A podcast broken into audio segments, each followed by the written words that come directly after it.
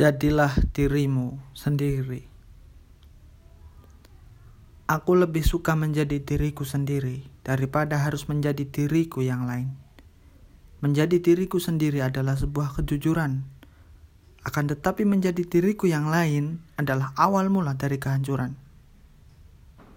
Menjadi diriku sendiri adalah sebuah kejujuran karena apa yang orang-orang kira, apa yang orang-orang anggap kepadaku adalah sebuah realita.